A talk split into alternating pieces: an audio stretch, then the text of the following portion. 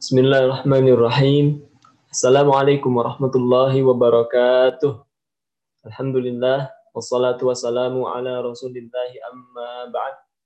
Kawan-kawan milenial semuanya, sekarang tiba saatnya kita membahas kitab berikutnya yaitu Bidayatul Hidayah karya Al-Imam Al-Ghazali.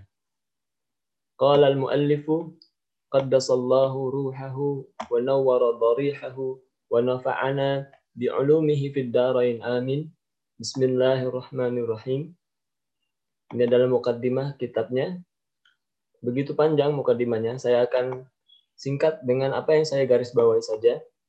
Pertama, setelah mengucapkan basmalah, hamdalah, dan salawat, penulis Al-Imam Al-Ghazali mewanti-wanti para orang yang bersemangat menuntut ilmu.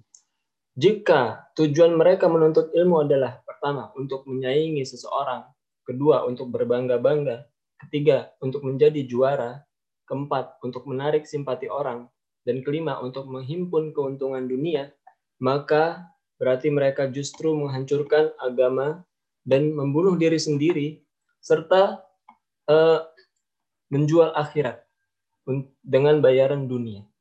Sedangkan jika niatnya dalam menuntut ilmu itu adalah untuk mendapat petunjuk atau hidayah, bukan sekedar agar bisa menyampaikan pada orang lain, maka gembiralah. Karena itulah tujuan yang benar. Nah, petunjuk atau hidayah itu ada pangkalnya atau bidayah dan ada ujungnya atau nihayah. Nah, yang disebut dengan pangkal petunjuk atau bidayatul hidayah adalah ketakwaan lahiriah.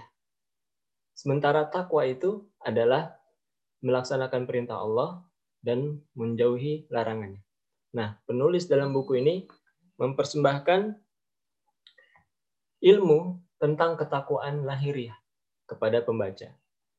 Nah, uniknya penulis menyatakan bahwa buku ini, buku pangkal hidayah ini atau pangkal petunjuk atau bidayatul hidayah ini juga berfungsi untuk menguji jiwa dan hati pembaca, yaitu orang yang bersemangat menuntut ilmu. Jika hatinya cenderung pada ajaran dalam kitab ini dan jiwanya patuh dan menerimanya, maka silakan arungi samudra ilmu hingga tiba nanti di ujung hidayah atau nihayah.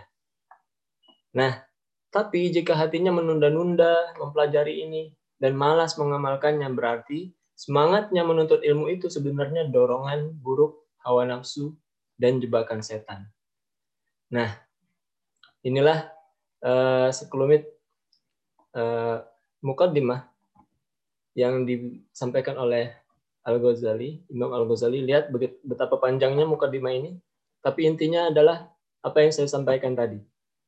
Ya, jadi semoga kita bisa segera mempelajari ilmu takwa lahiriah ini. Wabillahi taufik wal hidayah wal warahmatullahi wabarakatuh.